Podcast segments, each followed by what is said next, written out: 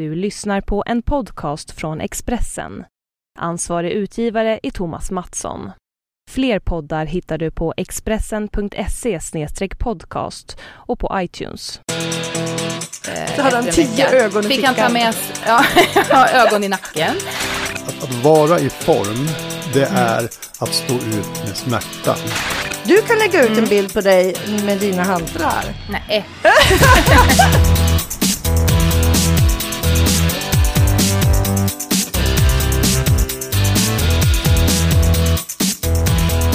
Hej kära lyssnare! Nu har det blivit dags att eh, prata om sport och sånt. Och som vanligt så vill vi ju att ni är med oss, att diskuterar och ställer frågor och har funderingar på det vi har pratat om och sånt som ni vill också att vi ska prata om på vår Facebook-sida. Där hittar ni oss på Anna och Pam om sport och sånt. För vi som pratar är som vanligt Anna och Pam. och idag har vi dessutom med oss eh, Christer Skog. Hur ska vi presentera dig då, Christer? Eh, För detta förbundskapten för alla möjliga skidlandslag, inklusive Sveriges. Och numera allround-tränare. Ja, det låter väl ganska bra. Annars får vi prata hela programmet om vad du- säga ibland, jag vet inte. Annars får vi prata om hela programmet. Om Ja, men precis. Ja, det kan ta lite lång tid annars. Ja. Men du får ju skryta lite om dig själv, Christer. Vilka är det du tränar?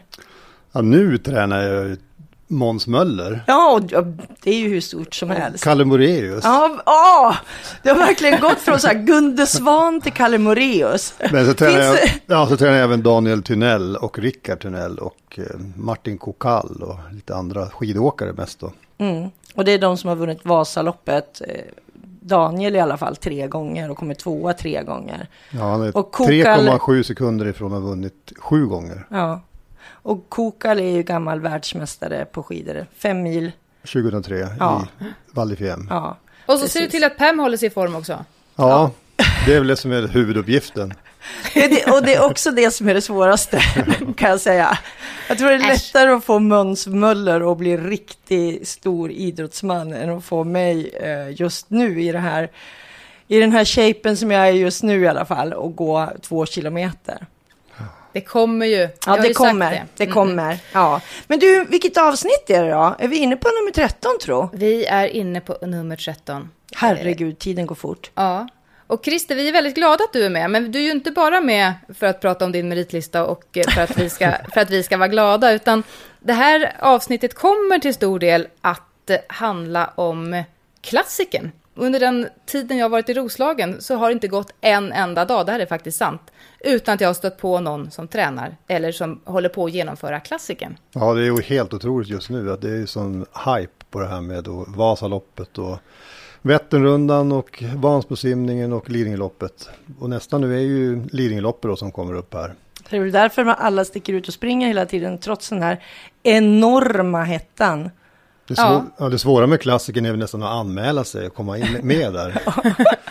Men du, vad tror du? Varför har det blivit en sån hype? Ja, det är svårt att säga. Löpning var ju liksom sån här hype på 80-talet också med maraton och sånt. Och, men nu har det kommit sista åren. Jag vet inte om...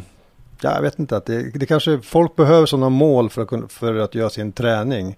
Förr i tiden så var det väl mer att det var prestationsmål. Man skulle slå en viss tid på Vasaloppet och man skulle springa fortare på Lidingöloppet. Men nu är det ju mer att, att bara ha gjort en klassiker. Eller bara, det är inte så bara.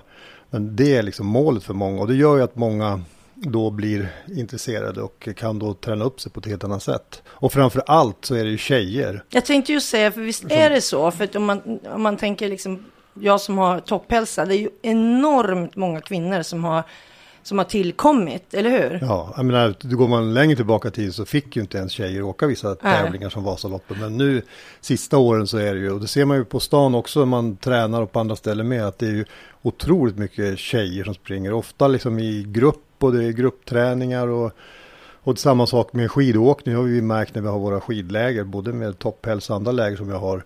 För bara fem tio år sedan då var det väldigt ovanligt att det var några tjejer som var med överhuvudtaget. Och nu är det nästan ja, mest tjejer som är med. Ja, ja. Och nu finns det ju också så speciell tjejklassiker där, där det, man kan åka Tjejvasan och eh, Tjejvättern och Tjejvanssimningen också tror jag va? Ja, och sen finns det väl halvklassikern också. Ja. Så att folk kan liksom göra det som en karriär, man kanske provar på. Det är ju väldigt smart tycker jag. Att man kanske inte börjar med hela klassiker, utan man först kör man ett år och kör man halva eller tjejklassikern och sen kör man den riktiga, om vi ska kalla den riktiga då. Jag Förut tänker mer det- så här, tjej, halv, hel. Är inte det bra? Det är säkert. Nej, men förut var det så här att det var ju en sån här klassisk 40-årspresent, krispresent liksom. Kompisen hade skramlat ihop och så öppnades kuvertet med fasa. Åh, shit. Eh, anmälan till, till klassikern. Men nu eh, gör ju faktiskt folk det här högst frivilligt. Eh, jag, jag la det- nämligen ut på vår Facebook-sida om att vi skulle prata om klassikern.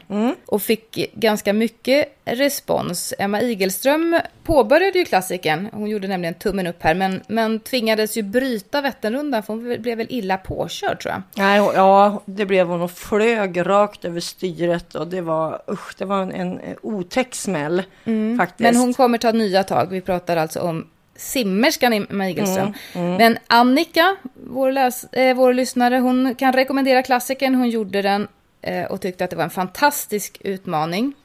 Även Lars har genomfört klassikern och funderar på att göra det en gång till, så han blev inte avskräckt. Camilla tycker att tjejklassikern var superkul, som hon gjorde i fjol. Eh, Jesper har gjort det, det var riktigt kul. Vasaloppet klart roligast och Vättern var tråkigast. Men hon, han kan varmt rekommendera att göra en klassiker. Sen har vi fått ett riktigt proffstips här från Peter som skriver Låt löpningen vara grunden. Den sliter mest på kroppen så börja i tid men starta lugnt. Konditionen som du får och förmågan att använda, fett som bränsle har du nytta av i alla discipliner. Ta hjälp med eh, tekniken när det gäller längdskidor och simning och lär dig cykla i grupp. Du kommer att älska det, har han skrivit. Bra. Vad säger du om det, Christer? Var, var det ett proffsutlåtande? Ett Ja, men det, proffstips? det lät faktiskt väldigt bra, för precis så tycker jag att det är. Och man ser när man eh, tränar folk att det är just löpningen som gör att folk får ofta belastningsskador också. Det är den som är mest skadedrabbad på det sättet. Cykel i och för sig som, som Emma, där är mer trauma, att folk ramlar och slår sig. Men just att man får till löpningen och framför allt kanske att man inte kör för mycket för hårt på löpning så att man går sönder då. För de andra och sen behöver man inte någon direkt teknikträning tycker jag då för att springa. För springa kan man, har man en bra hållning så kan man springa hyfsat. Men däremot skidåkning, där är det jätteviktigt tror jag att ta hjälp om man har möjlighet. För att det är en tekniksport. Och det är som säkert 25-30% teknik i skidor. Cykel, där gäller det bara att, eller bara, bara ut och nöta rumpan så att man är ute timmar efter timmar och cyklar. Och sen lära sig då som han sa då här att cykla i grupp då. För det är därför det händer mycket olyckor också på Vätternrundan tror jag. För att folk inte är vana att cykla i grupp. Och så har man så mycket olika hastigheter. En del kör ju 20 km i timmen och en del kör ju vad är det, 46 km. De som cyklar under 7 timmar det är över 40 i snitt då. Men finns det någon bra liksom, strategi vilken man ska börja med? Ska man börja med, med eh, Lidingöloppet då till exempel? Eller ska man börja liksom från, från början så att säga, i början av året? Att man ska börja med Vasaloppet. Vad tycker du Christer? Jag tror inte det finns någon strategi för det som är bättre eller sämre än andra. Utan man ska väl börja när man känner sig sugen. Nu är det dags då. Och då kanske det ligger Lidingöloppet närmare. Men man bör ju ha en viss tid på sig att träna upp sig. För olika Vad är rimligt då? Om man, om man är motionär men inte i topptrim på något sätt men ändå känner att nej, men nu vill jag ha det här målet. Det här ska bli min utmaning. Ska man titta två år framåt eller fem år framåt eller kan man sikta in sig redan på, på 2015?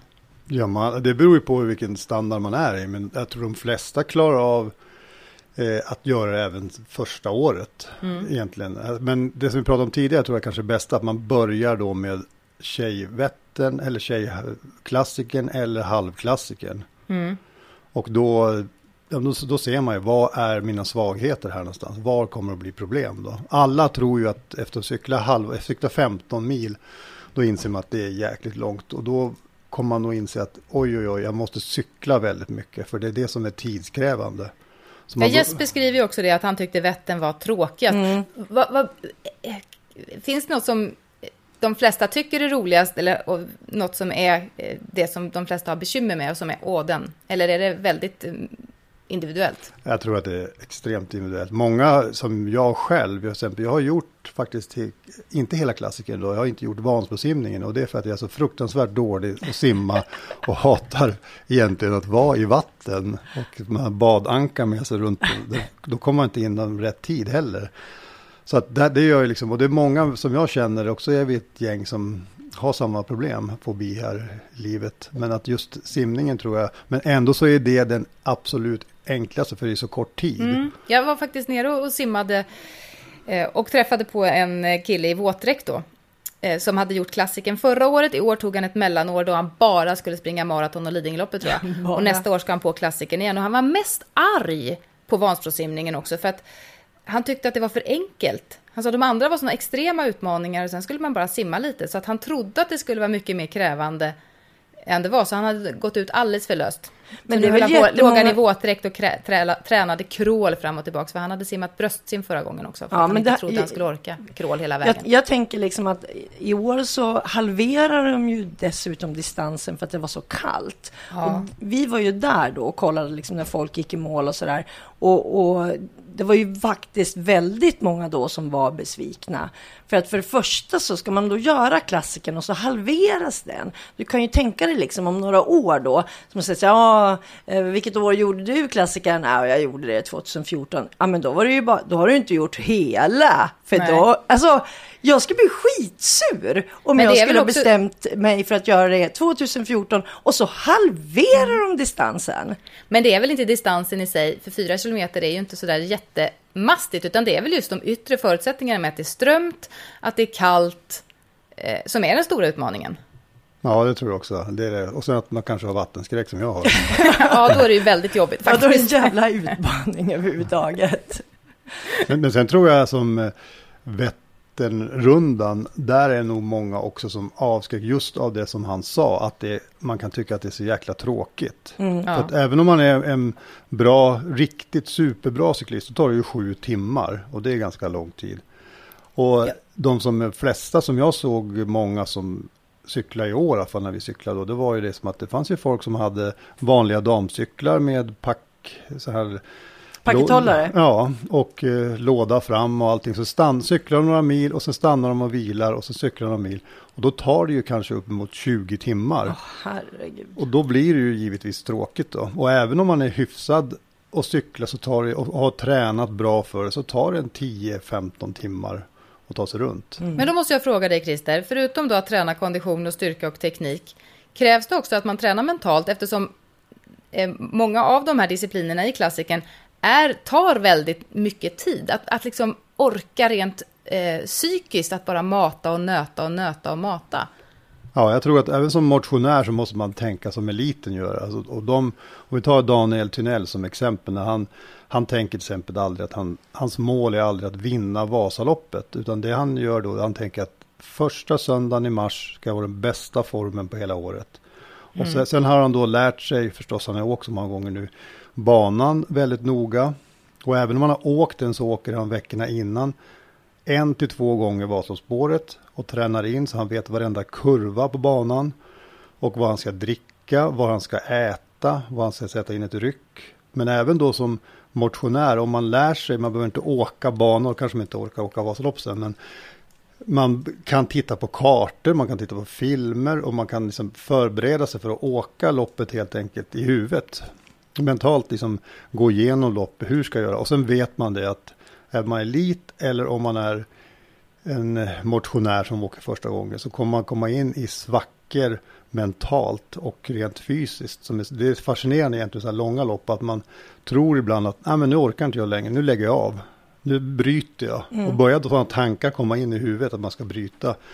Ja, men då är det lätt att man gör det också. Men att då får man träna på det innan, under de här träningspassen. Men hur gör man det då? Hur tränar man på liksom att mota bort de här, nej fan jag orkar inte det här. Man måste ha ett sätt att tänka på att när man vet, om man vet om att de här tankarna kommer.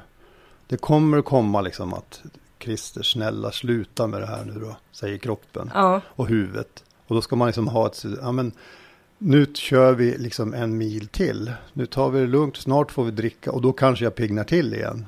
ofta så gör man det också. Det låter lite sjukt kanske, men många, det är inte bara Daniel Tunnell, det är många andra, Johan Olsson och andra sådana här extrema uthållighetsidrottare som Jonas Bud nu som vann Swiss Alpine för åttonde gången. Alltså det är ju ett lopp som är 78 kilometer, man passerar 2700 meter två gånger och det, alltså det är extremt. Det går inte att jämföra med egentligen Vasalopp eller Vätternrundan. Men alla de har det gemensamt att säga att, att, att vara i form, det mm. är att stå ut med smärtan. Och Daniel, det låter ju härligt. Ja, ja. Och Daniel Tunnell brukar säga att hans mål är att lära sig att älska smärtan. Åh oh, herregud, det tar jag långt kan jag säga.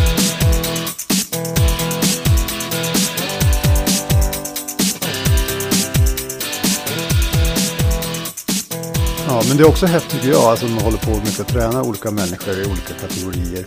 Att se hur ändå pass fort det går att träna upp sig och klara av en sån prestation. Om vi tar Måns Möller till exempel här igen, som ni har pratat om tidigare. Mm. Menar, han var med på, i vårt program en gång faktiskt. Ja, jag menar han innan Vasaloppet, det kanske var lite galet egentligen. För att då, då var vi uppe och tränade i Dalarna på, och skulle bara träna för att träna. Då tränade vi ungefär 4-5 timmar i veck, om dagen i en veckas tid. Och då tänkte jag att det var ju på vintern så skidåkningen var ju kul. Då lurade jag honom och sa det som åkte skidor mycket att ja, men du kanske ska åka Vasaloppet. Då tände han på den idén. Så han hade i princip åkt skidor i en vecka innan han åkte Vasaloppet. Men då åkte han fem timmar om dagen och ungefär som många kanske gör ändå som sprider ut det på längre mm. tid. Under en hel vinter ja. egentligen. Och han ja. klarar ju liksom, nu har varit, i år var det fruktansvärda förhållanden. Det var ju det sämsta ja. på 53 år säger de, eller kanske för alltid. Oh, men, men, ändå klarar han av att åka på så pass kort tid, men ändå ganska... Var det tack vare teknikträningen från dig då? Absolut. det var det ju helt och hållet. Nej, det beror på, han har också den där liksom viljan och sen, men just det där att vi koncentrerat, att det var ganska mycket tid på en kort tid då. Men samma sak var ju då med Vätternrundan. Jag menar, då var det ju ungefär då en och en halv månad innan Vätternrundan köpte han sin cykel. Men då cyklade vi väldigt mycket. Och jag hade till och med ordnat ett team som skulle hjälpa honom och köra, klara av det här runt Vätternrundan med, med hjälpryttare och annat. Det tråkiga var bara att i Jönköping, då åkte Måns ifrån teamet. Så, så han, han, åkte själv. Ja, ja, så, så han åkte själv, så han var en halvtimme, 45 minuter före oss i Motala. Överlycklig givetvis. Då. men det jag vill säga med det är liksom att från att vara otränad och samma med Pamela också då när hon då sjukdom ska träna upp sig då, så, så går det på, väl, på, inte väldigt, men på alltså 6 till 8 veckor så kan man bli otroligt mycket bättre. Och det roliga med det är ju, ju sämre man är, som tränare i alla fall, desto bättre resultat blir det ju procentuellt mm. sett. Man inte har mm. någonstans, men många är så rädda och tänker så här, åh, jag, jag har ju inte tränat någonting och, och det, det, jag kan inte göra något sånt för det tar så mm. lång tid för mig. Jag måste tänka fem år framåt i tiden. Men så tycker inte jag att det är.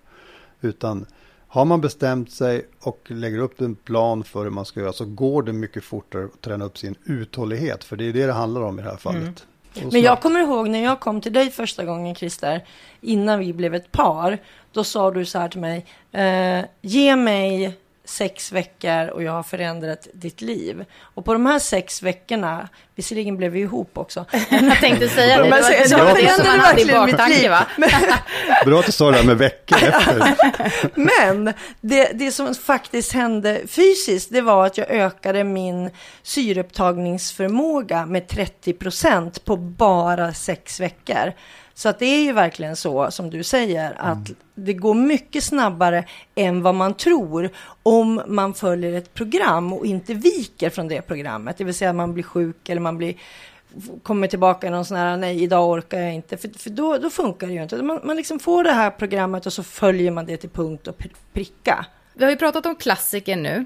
Vänta, jag, jag, har en sak, jag har bara en sak till ja. i den här klassikern, för jag tänker hela tiden så här, eller jag läste på text-tv förra veckan tror jag det var. Då stod det någon så här ny forskningsrapport. Eh, man kan lika gärna springa fem minuter som att springa långt.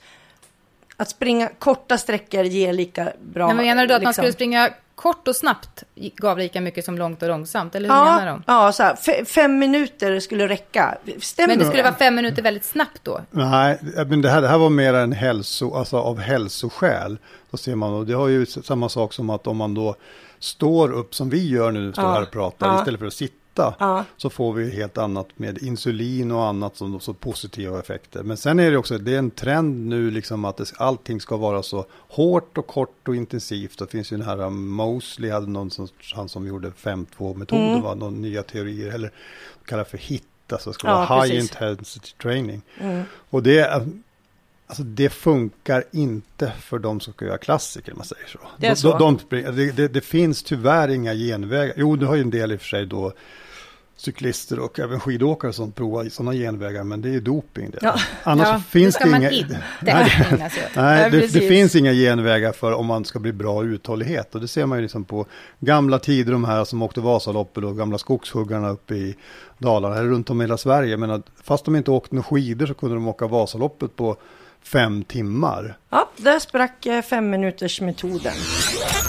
Och nu, veckans... Idrott. Eh, Jag har nämligen förstått att det har blivit väldigt populärt att sätta ihop det här och helst på en dag, nämligen triathlon pratar jag om då. Att cykla, simma och löpa samtidigt. Då hoppar man ju över skidåkningen då, men eh, det förstår jag att du tycker är tråkigt Christer. Men ändå så har ju triathlon blivit väldigt, väldigt eh, populärt. Och då när vi är inne på kombinationer, att man gör saker samtidigt, så måste jag bara berätta då vad som är veckans idrott. Jag läste om det i tidningen. Och det finns faktiskt en sport som växer i raketfart, framförallt i Indien just nu, men som är populär i flera andra länder, men inte har kommit till Sverige, nämligen schackboxning.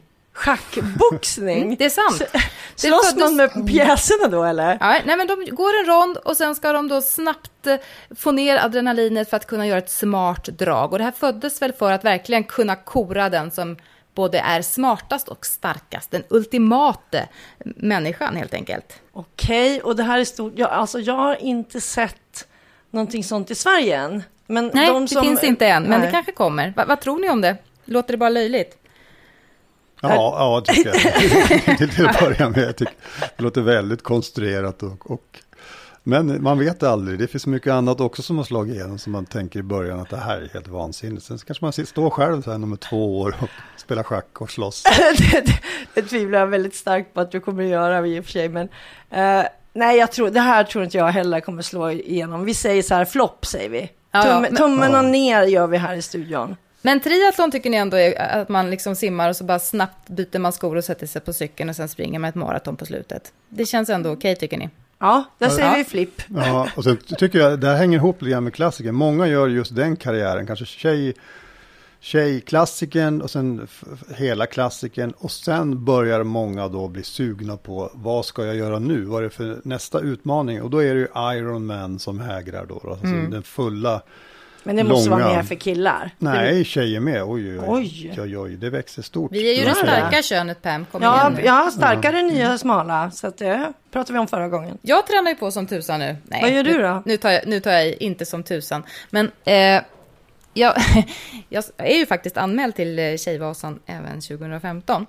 Så att nu, eh, jag kan ju inte träna uthållighet så jättebra. Är det någon som har hört talas om min häl? Det här har varit en Men- fu- följetong på våra podd. Det är det Annas är- häl och Annas skor. Du lägga ut en bild på den här på Facebook? Men det jag gör nu, Christer, såga inte det här nu, för jag tycker själv att det är, är, är bra idé. Jag står med hantlar och stakar. Och stakar och stakar samtidigt som jag lyssnar på sommarpratarna. Ja. Alltså jag ser Christer, han, han liksom ser fundersam ut. Jag, menar, all träning som blir av är bra träning. Jaha, det var inte bättre än så. Jag var jättenöjd när jag kom på det. Det här måste ju vara Ja. bra träning. Så står jag liksom och stakar. Det är jättejobbigt efter ett tag. Ja, men det, det är inte så tokigt. För att jag menar, det svåra är ju att just att uthållighetsträna överkroppen. Eller svåra, men benen använder man ju till att gå på hela tiden. Ja. Och man rör sig och sånt. Och just överkroppen som krävs då för Tjejvasan är svårare att komma åt om man då inte åker rullskidor. Och för många tror jag liksom att det är ett stort steg att börja med att åka rullskidor. Man bör nästan lära sig åka skidor först innan man lär sig åka rullskidor. Och sen finns det på en del gym stakmaskiner. Och sen finns det ju också då som jag skulle rekommendera, men det går ju inte med hälen då. Det är liksom att gå stavgång i backe eller gå i terrängen, alltså med eller skidgång som vi säger då. För då kommer jag åt också armarna och överkroppen, alltså både bålen och eh, axlarna och ryggen och allting. Men, Mm. men hantlar, det ja, jag köper det lite. Lite! för det. Och så gör jag lite ryggresa och sit-ups på det. Ja, Samtidigt men- som jag då lyssnar på Sommarpratarna. Har ni lyssnat på någon eh, i år? Nej, vet du att jag får skämmas. Jag har faktiskt inte lyssnat Nej, men du på behöver någon. inte skämmas. Jo, men jag men kan, gör jag kan jag. komma med Och nu, veckans... Ja, mm, på några sommarpratare. Jag har bland annat lyssnat på Fredrik Wikingsson. han, men Eh. den, den, den hörde jag någon sån här kortare, jag vet inte om jag hade dålig täckning när vi var ute och körde bil. Han pratade lite om sin farmor eller mormor va? Ja, hans farmor, som, det här var lite en hyllning eh, till henne. Han spelade in det här på hennes äldreboende Ja. också. Han berättade vad hon hade betytt för honom Ja. och eh, vad hon hade lärt honom. För många saker som hon hade sagt var så kloka så att det har liksom blivit någon typ av livsdevis för honom. Och jag tog också till mig det här. Jag tycker alla kan göra det. Han satt nämligen bredvid sin farmor när han var lite yngre och klagade på att han hade så tråkigt. Ja. De satt och väntade på någonting. Och då sa farmor så här. Vet du Fredrik, det otråkiga med livet, det är att du kan göra nästan precis vad du vill av det. Ja, vad Var smart. inte det väldigt eh, klokt? Det kändes, det kändes nästan så här modernt att liksom Mm. göra om ordet tråkigt till otråkigt. Otråkigt. Men att det ligger ju i vars mans och kvinnas ansvar att själv göra livet det man... Vad, vad man vill göra av livet ska man göra av livet helt enkelt. Absolut. Det är jätteonödigt att sitta och ha tråkigt. Ja, Man kan göra håller- något jag annat. Ja. Eh, Men så berättade han också, han, hade, han och eh, Filip Hammar hade gjort något reportage på en 90-årig man som var bäst i Sverige i sin åldersklass på 100 meter. Och han var ju lite skröplig i kroppen sådär, fast pinnade på. Väldigt korta små ben och de här vita nya sneakersarna han sprang i var ju nästan längre än själva benen, men lika vita. Och det var ju häftigt i sig. Men det som var häftigast var ju att två år senare, när den här mannen är 92, så ringer han upp eh, den här duon och eh, berättar att han har sadlat om. Nu har han blivit höjdhoppare. så att eh, de fick göra ett reportage på det också tror jag. Ja, men det är väl ganska bra för... Ja, men det är ju underbart. Man är 92 år och känner att nej, men om man skulle ta och testa det där med höjdhoppen då, det verkar kul. Så han hoppade 80 centimeter och var väldigt, väldigt nöjd med det. Ja. Men är det inte häftigt? Jag älskar den här, det är aldrig för sent. Ja, men som en på fem dagar här också som gick för ett tag sedan. Men där, var, där finns det ju en klass för H95. Ja. En reportage i Hudiksvalls tidning tror jag var för någon som, som ledde då klassen H95 då efter tre etapper. Och, och menar, det är ju fantastiskt bara att det finns en klass där. Ja. Det är helt underbart. Ja, jag undrar, stod det hur många som var med i, klassen? Nej, Nej, två. ja kanske. Ja, men Så- ändå. Ja, jag håller med. Bara det att det finns. Ja, men ge sig ut och springa i skogen och 95 år och Ja. alltså, kunna titta på, ja det är fantastiskt. kul. Ja. ja. Åh, vad jag håller tummarna för att jag får göra det. Jag ska sadla om när jag är 94 och ska bli orienterare. Hopp- Hoppas hälen har läkt då.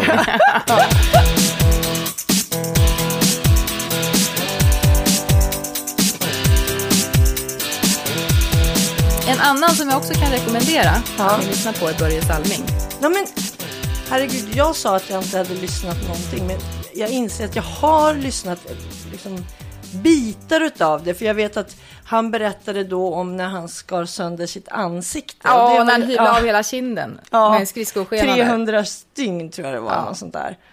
Men jag tyckte att- att det var ett väldigt bra sommarprat. Han läste lite grann till. Man förstod att han hade ett manus, men det gjorde inget. För jag fängslades ändå av hans berättelser. Och han berättade, även om han då läste lite till, så var det med en lugn och en inlevelse på något vis ändå. Så att jag var fast hela programmet. Eh, Jag kunde inte som du bara lyssna lite grann, utan jag ville lyssna på hela. För Ja, men jag, vi får göra det. Vi ska ju dra, dra iväg och ha några veckors semester, så vi får Ja. ladda ner de här och sitta och lyssna på dem när vi åker bil. Ja, men Börje Salming tycker jag ni ska lyssna Mm. på. För man, om man inte visste det sedan tidigare, vilket jag hoppas att de flesta ändå vet, men oj, oj, oj, vad stor han Ja. var och är, Ja. men ändå så ödmjuk.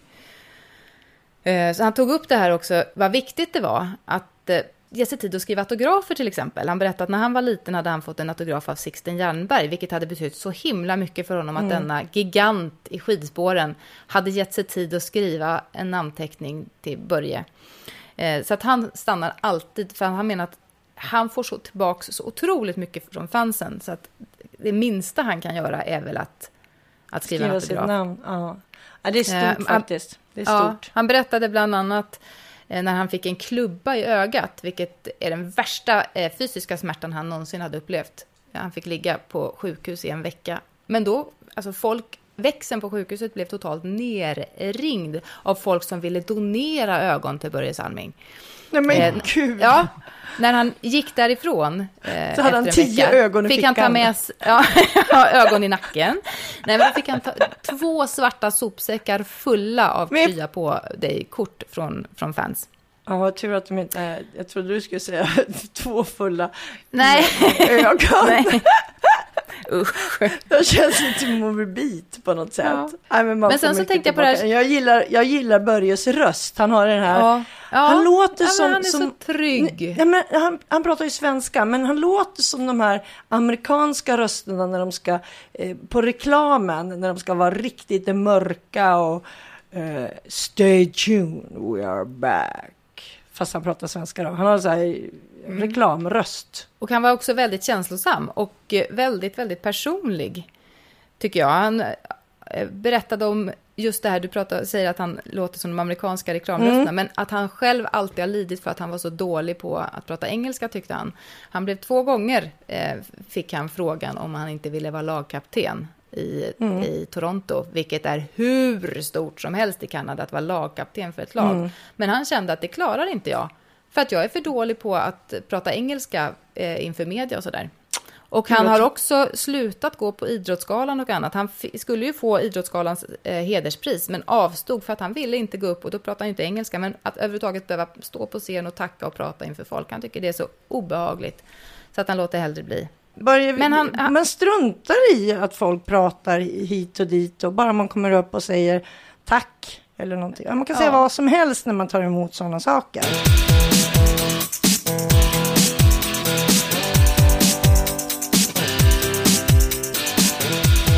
Jag måste bara säga att jag lyssnade också på Christian Falk som mm. ju dog av cancer två dagar innan hans avsnitt sändes.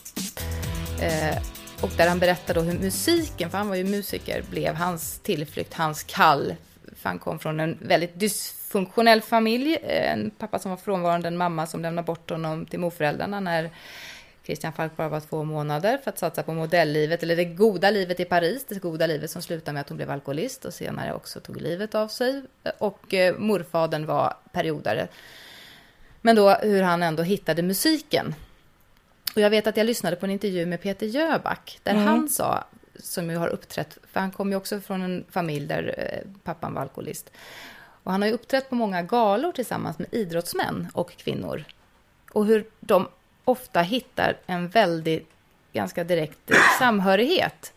Så han menar att, att det här att bli riktigt duktig, väldigt många av dem som blir the best, mm. vare sig det handlar om då idrottare eller musiker, har haft det ganska tufft. Mm. Eh, och då hittat liksom en drivkraft i något annat. Eh, jag tänker till exempel då på Börje Salming också, som ju förlorade sin pappa när han var fem år. Och det berättade han också om, sorgen att inte mm. ha en pappa som kunde hjälpa honom att knyta skridskor eller trösta och sådär. Vad säger du Christer som har träffat så mycket idrottsmän? Det man kan säga gemensamt om många elitidrottare, det är att de kanske är väldigt, eller väldigt, men ofta speciella människor. Precis likadant som det är kanske de som är framgångsrika inom som du sa, musik eller konst eller arbets, alltså, näringsliv eller vad som helst. Att man, man drivs och man har någonting som driver en till, som en del skulle kalla för sjukliga nästan, att man liksom är liksom för enormt driven. Det tycker jag är lite grann gemensamt för många elitidrottare att kunna liksom, man, man får någon sorts, och det, tyck, det är också ganska meditativt, man håller på med en sak, då är man ju som fokuserad på just den grejen och får någon sorts det blir djupt där, men lugn och ro liksom i det man håller på med. Då. Så att jag, jag, tror att det stämmer nog. Det är mm. nog många, och det tror jag liksom just med barn och sånt också då. Man tittar på det här med skolan och sånt nu, att de är många som är oroliga och inte har någonting att göra. Det kanske är att det är för lite fysisk aktivitet. Man helt mm. enkelt ska mm. få folk liksom att ut och kötta på i skogen mm. eller vad som mm. helst. Man, mm. man gör då mår man oftast bättre rent. Och det finns ju undersökningar på det också, att man mår bättre mentalt av att. Så det kan ju vara jag tänker också på de som har gått ut med, alltså, vad är det, Frank Andersson med ADHD och mm. Pelle Fosshag och sådana. De har ju mått bättre när de håller på och tränat och sånt. Och. Mm. Och då på så sätt sluppit medicinering när de är yngre. Vi slutar så hörni. Ja, precis. Ja. En liten uppmaning. Ja. Det är ju snart st- skolstart, även om det är några veckor kvar. Ut och rör på er nu allihopa. Ja, och Ja. tack för den här gången och jag hoppas förstås att vi hörs nästa vecka igen. Ja, och Tack. vi hörs ju eh, dygnet runt om ni vill. På Twitter Ja, och på Facebook. ja. Ha det bra så syns vi. Ja, ja. hej hej! Hej!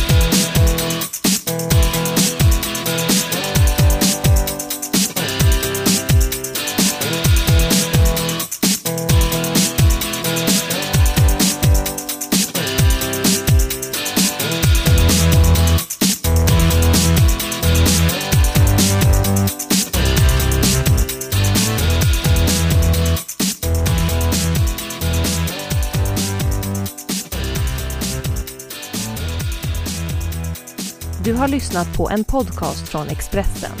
Ansvarig utgivare är Thomas Mattsson. Fler poddar hittar du på expressen.se podcast och på iTunes.